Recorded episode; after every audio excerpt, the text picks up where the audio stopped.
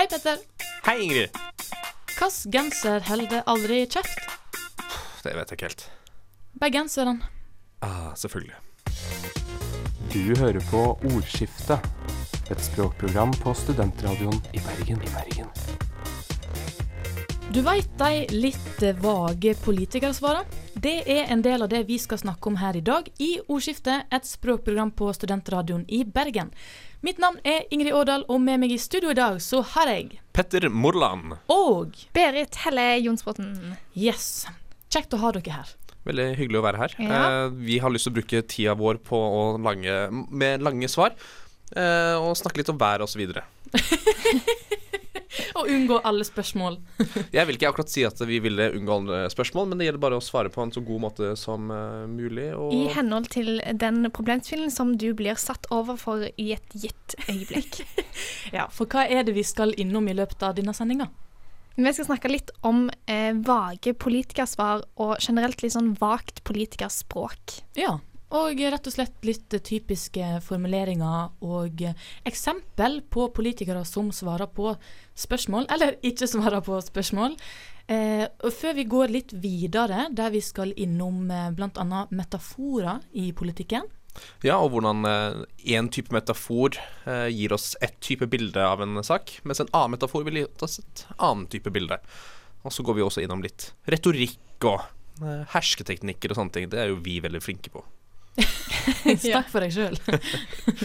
og så har jeg med en liten konkurranse til dere som jeg gleder meg til å teste ut. Å, det blir godt å vinne igjen. ja, så får vi se. Skal vi bare- Hersketeknikk nummer én. Sett i gang. Ja, det kommer godt ut.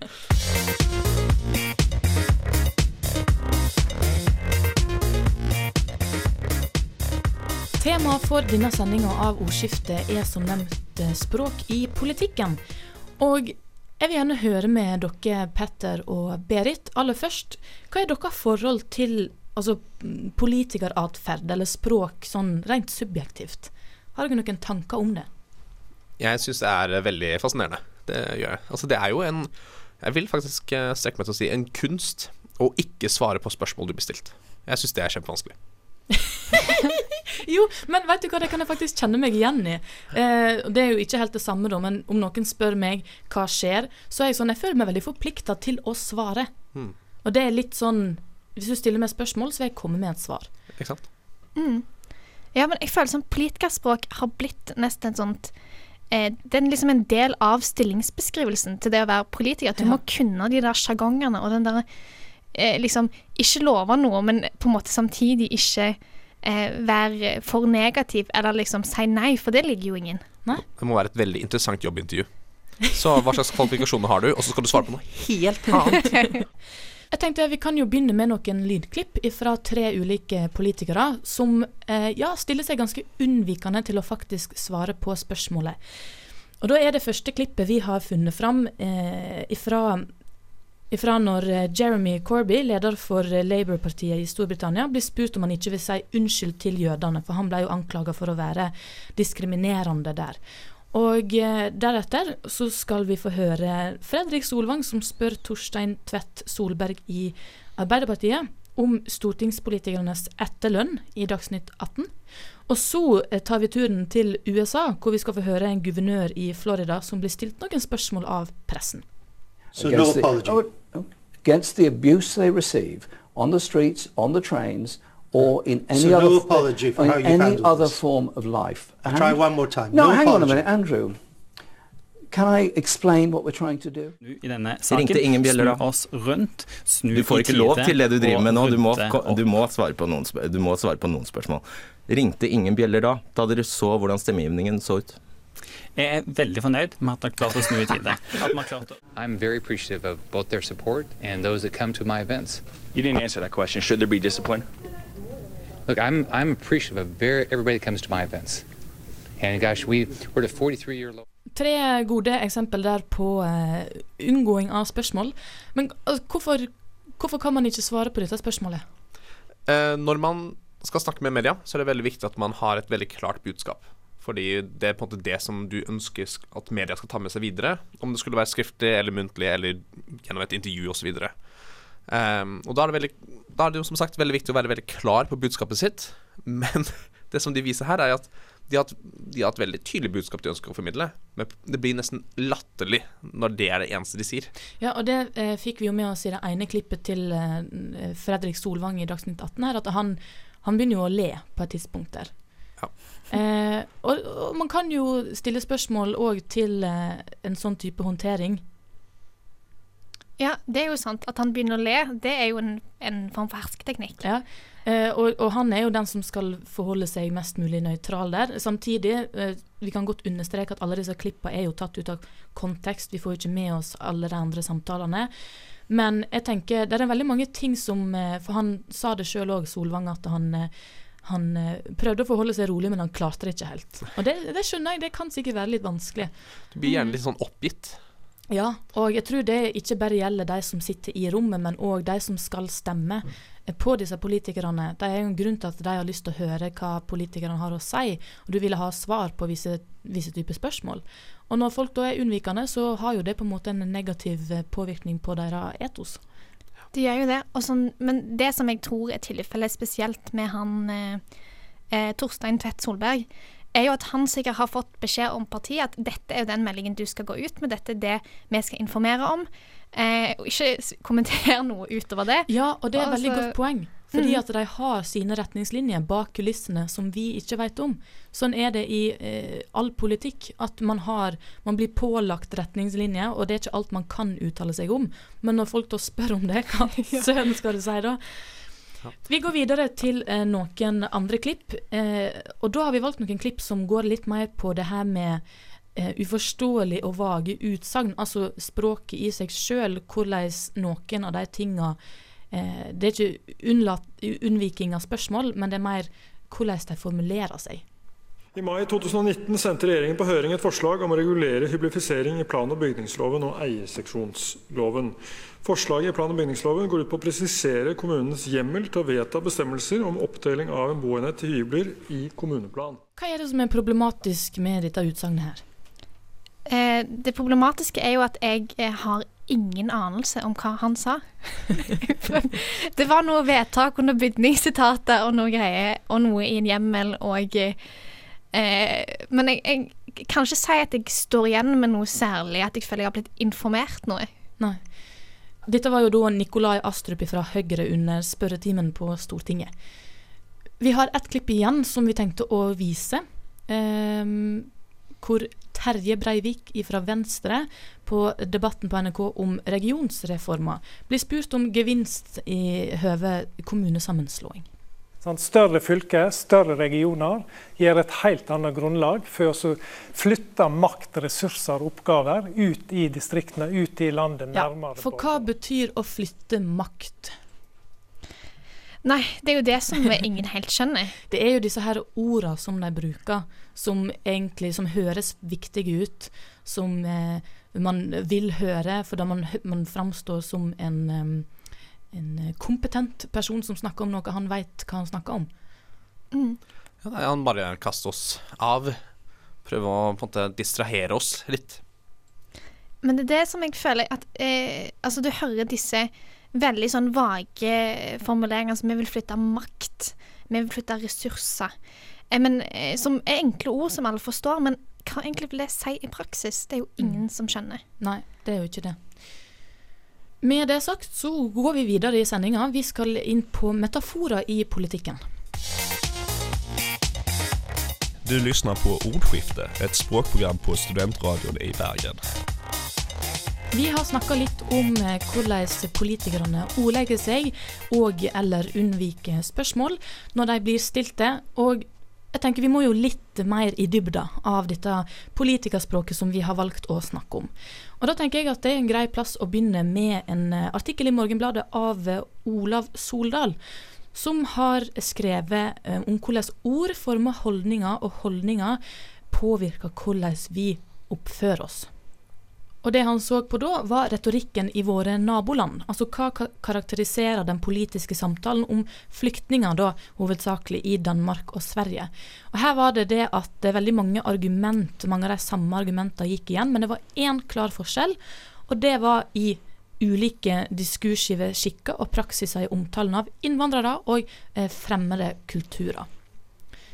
Og der kom det fram at i svensk offentlighet så blir ordet nyanlanda brukt, altså nyankomne personer. Eh, og i dansk offentlighet så var det utlendinger. Og tenker, Hva er det vi er mest vant til å høre her til lands? Det er vel eh, innvandrer, som er vel eh, en plass kanskje mellom dansk og svensk offentlighet. For jeg føler det er kanskje der norsk, det norske politiske landskapet er.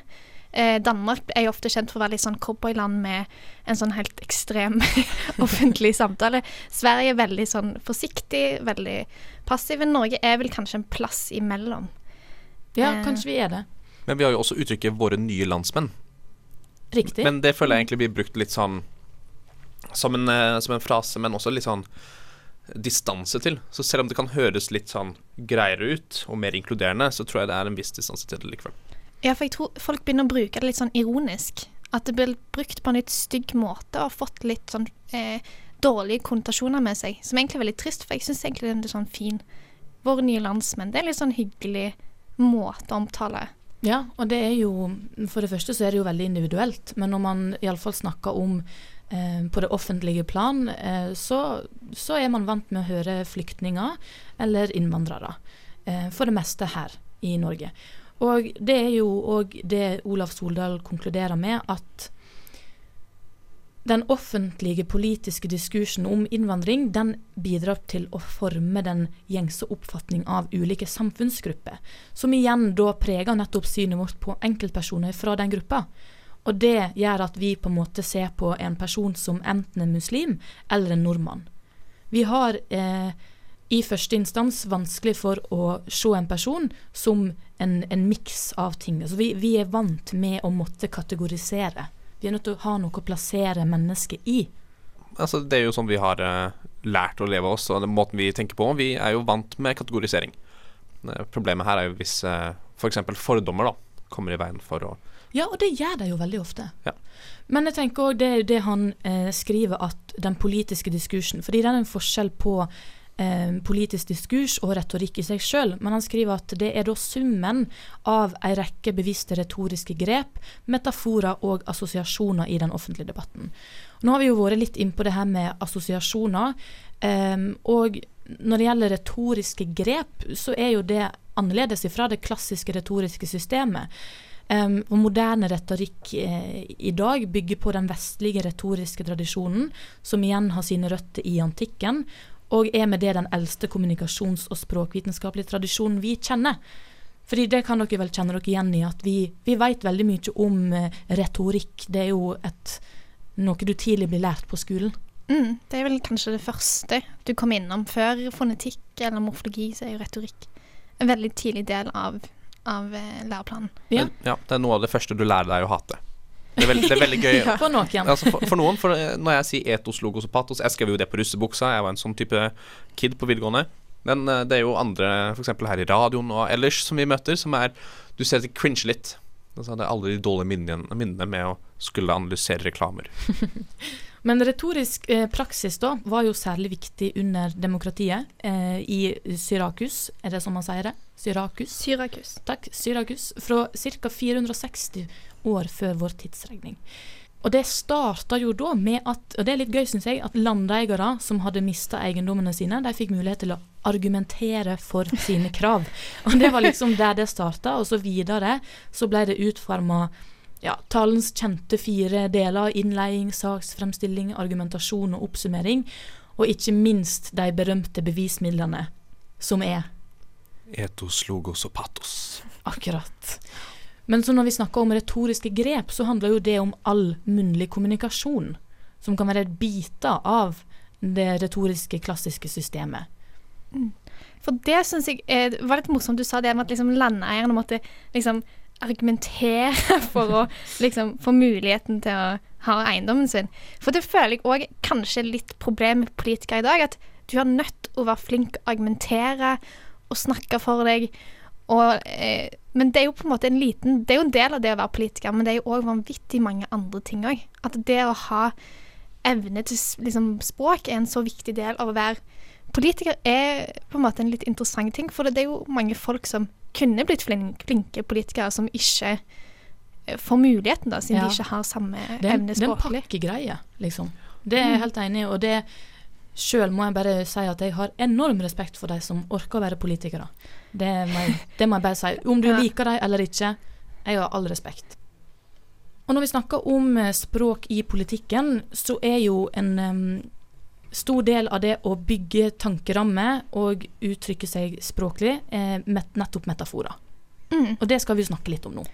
Ja, for eh, kanskje den, den rådende retningen innenfor metaforteori, eller den som de studerer på, eh, på universitetet nå, heter jo kognitiv metaforteori. Og det er et litt annet syn på metaforer. Eh, der opererer du bl.a. med noe som heter begrepsmetaforer, som er en form for eh, en slags supermetafor som fins i, hjernen vår, i vår tenkning. Eh, og de liksom, språklige metaforuttrykkene som du ser i språket, er ulike realiseringer av disse måtene å tenke på det. Har du noen eksempler på det? Eh, ja, hvis du f.eks. sier eh, de sto på ulik side i EU-spørsmålet, så vil det være en måte å Og da blir liksom begrepsmetaforen Det å mene noe er å befinne seg på et sted. Mens akkurat den setningen vil være en realisering av den eh, måten å tenke på. Hvis det ga mening. Ja, det ga litt mening. Ja, og vi har jo sett litt på en eh, masteroppgave som heter Den endeløse strømmen.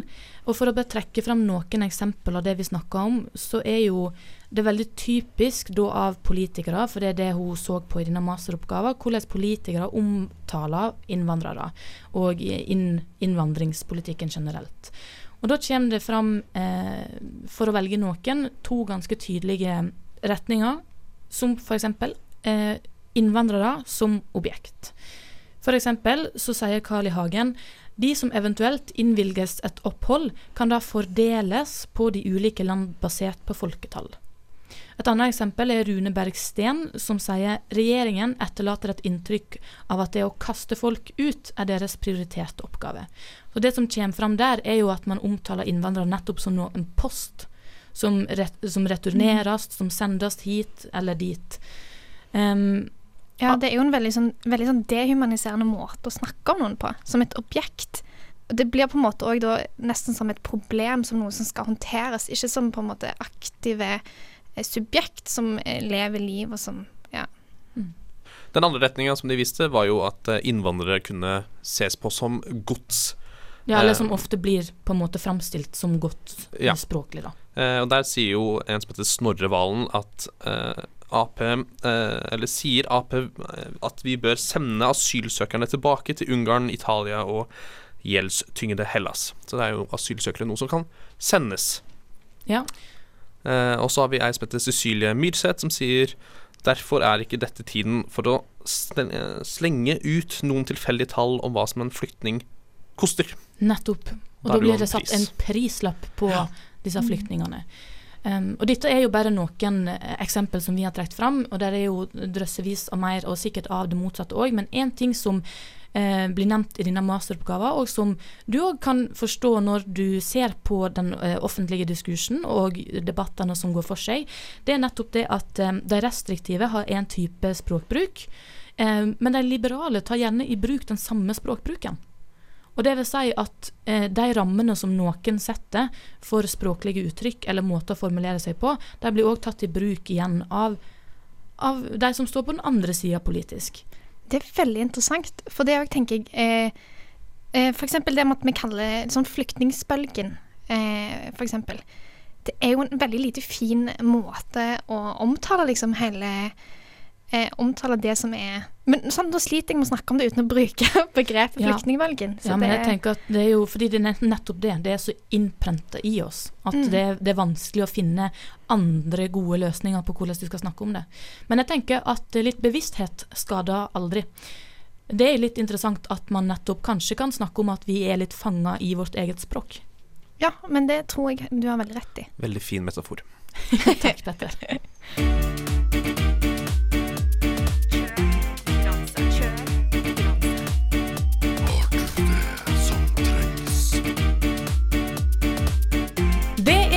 for konkurranse her i Ordskiftet, og denne gangen så er det jeg som holder konkurransen. Er dere spent? Veldig spent. Veldig spent. Ja. Jeg har tatt med meg sju ulike sitat av diverse politikere. Og det er meint at det skal være litt vanskelig. Det blir ikke alternativ. Jeg sier sitatet, og det er førstemann til å si navnet sitt. Okay. Og jeg vil òg bare understreke at eh, dette, disse sitatene kommer både fra skrift og tale. Er dere klare? Eh, finnes det noen sånne historiske rammer? Er liksom de siste to åra, liksom? Mitt tips til deg, Petter, er å ikke overtenke det. Oh, okay. nei. Ok, og så tenker jeg at uh, vi må ha en liten straff. Og den som taper da denne konkurransen, blir nødt til å runde av sendinga på en typisk, ifølge seg sjøl, politikermåte. OK. Det er litt åpent for tolkning. Ja, det er det. Ja. Litt rollespill der. Ja. Okay. Er dere klare? Ja. Ja. Yes. Asylmottak til Asia og Afrika. Eh, Berit. Eh, per Sandberg. Nei, det er feil. Petter. Ja. Trump. Nei. Oh. Det er Carl I. Hagen. Ah. Så det er null poeng til begge der. Og jeg tenker òg at den personen får mulig poeng hvis at den andre Hvis man ikke klarer det på første forsøk, så kan den andre personen få hente poeng der. Ja, ok. Ja. Ja. Sitat nummer to. Går du inn for endring, blir det bråk. Petter. Siv Jensen. Det er feil. Berit. Uh, Sylvi Listhaug. Nei. Det er rett og slett et sitat av Erna Solberg. Ah, vi var ikke flinke! i dette! det var skikkelig vanskelig. Ja, det er vanskelig, og jeg skjønner Mm. det. Det får, får vi tro at lytterne forstår òg. Ja. Sitat nummer tre. Diversity is the engine of invention. It generates creativity Oops. that enriches the world. Berit. OK, eh, kan jeg eh, spørre spørsmål? er det en amerikansk politiker? Vel, jeg har jo sagt det på engelsk, da. Ja, men det kunne jo være sånn, noen som finer seg til litt. Eh, OK, men da tar vi jo eh, godeste eh, Obama. Oi, nei, det er feil. Å, det var bra, for jeg har tenkt å si Obama. Eh, jeg har lyst til å si eh, Churchill. Nei. Det er Justin Trudeau. Jeg klarer ikke å si navnet hans. Oh, engang. ja. Men altså Canada sin statsminister. Mm. All right. 0-0. It's freezing and snowing in New York. We need global warming. Uh, å, oh, det var Petter som var først. Ja, det er riktig. Det var Jeg måtte bare høre Det hørtes bare så dumt ut, så jeg var sånn nei, ah, Da er det lett. 1-0 til Petter. Å, da har jeg vunnet. It always seems impossible until it's done. Berit! Ja. Eh, Churchill. Å, det er feil! Nei! Det er feil. Trump. Ja. Nei, nei, nei! Nei. nei, er du gal? Jeg sa ja fordi at Bra du svarer. Det er altså Mandela. Ah. Ja. Ah. Nei. OK, neste. Mankind must put an end to war before war puts an end to mankind. Berit. uh, er det um, uh, Nå bare sa jeg det, jeg har ikke peiling. Um, er det en av de der er det, Ikke Kennedy, men han neste. uh, nei! OK, da eh, Nei! Si noe. Ja, OK! Ja, men jeg har det for tunga. Okay. Uh, uh, Kennedy. Det er, ikke han. riktig! Ja! Berit utligna. 1-1. OK. I don't mind how much my ministers talk, so long they do as I say. Petter. Churchill. Det er feil. Faen. Berit. Um, det er Da tar vi eh, Nixon. Nei. Det er Iron Woman. Å, Thatcher. Ja. Ah, Margaret ah, Thatcher. ah, ja. OK, her er det siste, så her er avgjørende, da. Med mindre enn Altså, nå trenger vi trenger en poeng her. The beauty of me is that I'm very rich. Berit! Trump. Jeg tror Berit var først der. Jeg tror jeg var det. Jeg tror også Berit var der. Og så hører Det er helt riktig, da, for å informere om det. Grattis med seieren, Berit. Ja. Da skal du, Petter, få lov til å runde av sendinga på din typisk politikermåte. Jeg må bare vekk mine indre politiker. Du hører på Ordskiftet, et sprogprogram på Studentradioen i Bergen. I dag i ordskiftet så snakker vi om eh, språk i politikken, og nå har vi vært innom det her som eh, omhandler metaforer, retoriske grep. Eh, og jeg tenker vi er jo nødt til å snakke litt om hersketeknikker. Ja, for det er jo noe som eh, fins i eh, omtrent alle deler av livet, men det fins eh, veldig mye av det i politikken. Det må man kunne si. Ja. Og så har vi ei som heter Berit Aas fra hva var det, 1979, eh, som eh, satte opp en liste på fem, de fem typiske hersketeknikkene. Ja, Hun er jo på en måte en slags pioner når det gjelder hersketeknikker i, her til lands. Og internasjonalt òg, faktisk. Ja. Eh, og hun har jo, disse fem er jo da usynliggjøring, latterliggjøring, tilbakeholdelse av informasjon, Fordømmelse uansett hva du gjør, og til slutt påføring av skyld og skam. Ja, Og denne fordømmelse uansett hva du gjør. Hva, det, hva ligger i det? Det ligger vel at du enten er du for pågående, eller så er du for passiv. For selvstendig, eller så er du for tiltaksløs. Altså uansett hva du gjør, så er det Eller så blir det feil. Rett og slett. Ja. En påfølelse av skyld og skam. Altså at uh, du ba om det. Ja. ja. Ja, det, igjen, det er din feil. Men det er jo, eh, og noe av det som Berit eh, Aas òg sier, at det er veldig ofte at eh, menn utøver disse hersketeknikkene. Spesielt eh, overfor kvinner, da. Men jeg tenker vi burde òg løfte fram en annen hersketeknikk som eh, typi, mest typisk blir sett nettopp hos kvinner. Fordi at vi har vel våre metoder, vi òg. Jeg sikter altså til gråt som hersketeknikk. Og her er det da altså Fred Heggen, som er overlege i psykiatri, og han skapte litt fokus rundt det her med gråt som en undervurdert hersketeknikk. Altså i det du eh, for, Og da poengterer han òg at er du politiker, så er du ganske vant med tøffe tak. Så det er på en måte ikke så naturlig at du skal begynne å gråte midt i en eller annen kontekst. Em, nå er det jo sånn at det er jo en, en vanlig ting, akkurat som latter kan være. Du kan bli oppfatta eh, som om at du utøver hersketeknikk uten at du kanskje egentlig gjør det, men det ligger der. Og da tenker jeg akkurat gråt, det er vel litt eh, Det er vel kort på trekket, det òg. Ja, fordi at hersketeknikker er jo ikke bare verbalt, det er jo det òg. Men veldig mye av det er sånn kroppslig. Det er gråt, fnising, eh, himling med øynene. Jeg vet ikke om dere har sett Donald Trump når han eh, tar noen i hånda. Å gud, han drar deg jo Ja. til seg som om det er liksom innvielse til slåsskamp. Ja, det føles som han egentlig bare står, opp, eh, liksom som, står og pisser omtrent for å vise liksom dominans. Ja. Og det er jo en eks ekstrem hersketeknikk, og du ser at alle blir litt sånn forfjamsa med en gang. Sånn, hva er det han holder på med? Og det er jo kanskje de to områdene du har når det kommer til hersketeknikker, at du har en offerrolle, og så har du en dominant rolle. Og det, hvis man skal gå ut av politikken i to sekunder, så har vi jo fryktelig mange eksempel på mm, folk som inntar offerroller veldig fort. Jeg tenker umiddelbart på Sofie Elise. Jeg står for det, for jeg tenker at der er det noe med å alltid ta en rolle der det er synd på deg. Og det gjelder ikke bare hun, det gjelder fryktelig mange andre. Og jeg tenker den er litt, eh, litt mindre eksplisitt enn de andre hersketeknikkene som kanskje er lettere å snike inn. Ja, men det er jo sånn jeg òg faller veldig lett for. Den der hvis noen setter seg en, for eksempel begynner å grine, setter seg i en offerposisjon. Er, altså, jeg har ikke sjans. Du, du liksom, du klarer, det er lettere med de som er liksom kommer med sånne eh, snodige, slemme kommentarer og sånn. De kan du på en måte ta på en helt annen måte.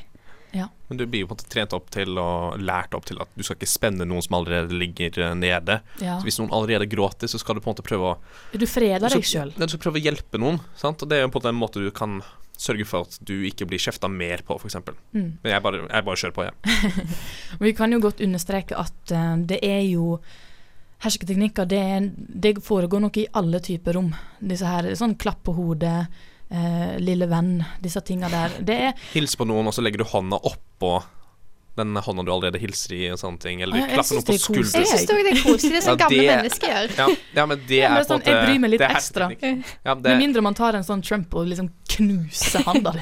når du legger den andre oppå, så er- prøver du å si at jeg er størst. ja. Så da må du bare klaske han litt i skinnet mens du holder han i hånda. Men jeg tenker noe av det viktigste med disse hersketeknikkene er jo at de ofte kommer litt i veien for den faktiske debatten. At, eh, at det blir mer et mål om å eh, vinne over den andre i form av ikke politiske argument, men hvordan du framtrer. Og det er noe av det jeg syns tar mest legitimitet ifra den politiske diskursen. Mm. For når, når, jeg, eh, når vi skulle ha denne sendingen her, så satt jeg så gjennom eh, den eh, debatten, altså den partilederdebatten før valget. Å, det var så mye hersketeknikker. Ja. Det var så mye himling med øynene, de ville ikke se på hverandre, det var liksom litt latter og Men òg det der med at når man, noen er i et resonnement, og så tar du For det lærte jeg en, en eller annen gang, at du tar et glass vann. Så, du- så driver du og heller vann oppi glasset ditt, og så drikker du av det, fordi at du på en måte viser at 'jeg driter i det du sier'. Eh, dette eh, på, rører ikke ved meg i det hele tatt. Mm. Jeg er upåvirka. det er litt sånn, det er litt gøy da, å legge merke til de tinga. Men når det er sagt, så er det jo ikke bare Altså, det er mange positive ting med språket til politikere òg. Ja, for det er jo ikke slik at alt politikere gjør er på en måte hersketeknikk og manipulasjon på makronivå. Nei, de får jo med seg veldig mange tilhengere nettopp fordi at de kan være utrolig dyktige språklige. At de har en fin og god måte å eh, legge fram ting på. At de snakker godt for seg, det er jo et kriterium som politiker. Mm. Og det, for eksempel, det de skal ha litt skryt for, er jo eksempel eh, regjeringen.no-nettsida. Ja. Der syns jeg det er veldig mye bra språk. Jeg syns det er lite sånn eh, kronglete byråkratspråk. Jeg syns det er ofte veldig tydelig og veldig eh, lett å få med seg det som står der. Ja, jeg er enig i det. det er, og det er noe med det å bare løfte fram litt ulike sider av det. da, fordi at ikke alt politikere gjør, handler om eh, en debatt. Sant? Det er jo eh, mange medarbeidere i regjeringa som ikke er direkte politikere, men som òg legger da rammene f.eks. på nettsida deres til at folk skal kunne sette seg inn i hva regjeringa faktisk er for noe. Og det er jo en viktig del av det òg. Mm. Og så har du politikerne som er morsomme, spøkfulle, eh, fine med hverandre. Og det er jo godt å se òg. Det er fint at alle er venner. Det er fint at Ja. eh, der òg er venner. Vi er alle mennesker som burde ta vare på hverandre. Folkens, vi må få tak i Linda. Du har sett henne på TV. Du har òg sett henne andre plasser. Kall henne gjerne en norsk attraksjon. Hallo, er det Linda som er på joggetur? Eh, Skal jeg, spri skal jeg springe etter henne? Linda! Linda! Ja, hei. Dette er fra Studentradioen i Bergen. Er du tremenningen til faren til Linda Eide? Ragnvald Eide? Hun har meldt interesse for å være gjest i Ordskiftet. Men det har liksom aldri blitt noe av. Det er det på tide å gjøre noe med. Vi mener fullt alvor i jakten på Eide. Linda Eide. Det er tid for prosjekt Jakten på Linda, eh, avslutningsvis her i ordskiftet. Og kort oppsummert så er jo vi nå kommet dit at eh, vi har gått gjennom tidligere kontakt eh, med Linda Eide, og da kommer vi jo fram til at vi er nødt til å sende et brev. Nettopp. Yes. Og her skal dere få høre hvordan det gikk.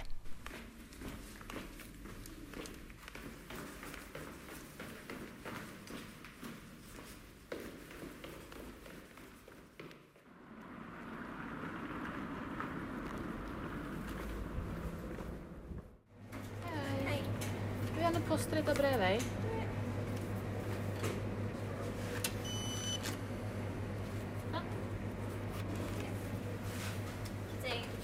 Nei takk, det går fint. Takk skal du ha. Ingrid, hvordan går det egentlig med det brevet til Linda Eide? Du, det er sendt. Det, du har sendt det? Yes, baby. I posten? Det stemmer det. Ja, altså du kan si vi møtte på et lite hinder. Fordi jeg hadde tenkt å putte det i postkassa hennes, men jeg kan jo ikke putte det i postkassa hennes som er inne i bygget hennes. For jeg går ikke rundt med nøkkelen inn i bygget til Linda Eide. Det hadde vært veldig rart om jeg hadde gått med nøkkelen inn til bygget til Linda Eide. Det, det hadde vært veldig rart. Så du, så du måtte gå da til eh, postkontoret og sende et brev Stemmer det. til din eh, nabo. Yes, det er sendt. Eh, så da får vi nesten bare vente tålmodig på svar. Men eh, hva har du skrevet, da? Eh, har du bare skrevet 'Hei, Linda, hvordan går det? Vil du være med i? Nei, altså vi må, her må vi være litt frampå, Berit. Sant? Vi må jobbe, jobbe, jobbe. jobbe. Vi kan ikke liksom 'Hei, vil du komme i studio?' Da, det har vi prøvd før. OK, så det, det er en ny, ny metode nå? Det er en ny metode. Vil du høre? Eh, ja. Det er den drømmen vi bærer på. At noe vidunderlig skal skje. Ingrid. Du har ikke sendt et dikt til Linda Eide? Men du må ikke Nå må du ta oss Nå må du høre. Sant? Ja, Nå men- ja, OK. Jeg er ikke kommet halvveis engang. Ja. At det må skje. At postkassa skal åpne seg. At Studio 1 skal åpne seg. At kalenderen skal åpne seg. Men Ingrid, herregud. Jeg kommer aldri til å svare på dette. Ja, men Vi kommer til, Du kommer til å tro vi er helt useriøse. Nei. Alle andre jeg har snakka med, syns at dette er en god idé. Altså, Petter var all in på det her. OK. Ikke sant? Prøve å sjarmere litt. Ja, det er kreativt. Du skal ha det. Kreativt og kreativt. Jeg har kopiert et dikt, da. Ja, Men det, det. med noen finjusteringer. ja, OK. Ja, ja, OK. Du får fullføre, da. Ja, takk. At kalenderen skal åpne seg. At samtalen skal springe. At drømmen skal åpne seg. At vi ei ettermiddagsstund skal få besøk av et språkidol som vi har visst om. Mange takk. Ja, Men herregud, Ingrid, vi kommer til å få besøksforbud, hele gjengen. Ja, men det kan jo være vårt neste store prosjekt. Nei, Ingrid, det skal ikke være vårt neste store prosjekt. Nei, det er greit. Det er kanskje litt overtenning. Det, ja, det var litt overtenning. Ja. Jeg har ikke sett det sånn før, Berit. Hvis du fortsetter sånn, så er det bare å bli vant med det. Ja, det, det er greit. Ja. Ja, men uh, brevet er iallfall sendt. Ja. Det får håpe svaret, da. Ja, får høre. Ja, jeg kan se at du prøver, Ingrid, så det Det er ikke meningen å være streng i. Det gjorde det fint, det. Ja. Du hører på Ordskifte, et språkprogram på studentradioen i Bergen. I Bergen. Da er vi igjen kommet til veiens ende her i ordskiftet. Og hva er det du tar med deg fra sendinga i dag, Petter? Jeg har skrevet ned masse notater nå i hvordan jeg kan best utøve hersketeknikk mot andre. okay. Godt å se at du tar med deg det viktigste. ikke sant? Hva med deg, Berit? Eh, nei, jeg føler Ja, jeg føler jeg kanskje har eh, lært litt at, at eh, vi kanskje ikke helt ukritisk med å ta imot de ordene som politikere gir oss. Mm. Og at det er mange måter å uttrykke seg språklig som politiker, men ikke bare som politiker, selvsagt. Men det er veldig interessant å se at eh, det er ting som eh, etter hvert du tenker mer over, jo mer ser du av det òg. Mm. Språket har veldig mye å si. Absolutt.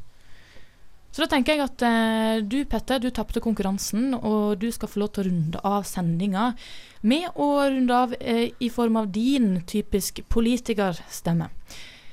Eller karakter, kanskje. Ja, ja. Så Petter, hvordan uh, syns du det gikk uh, denne sendinga?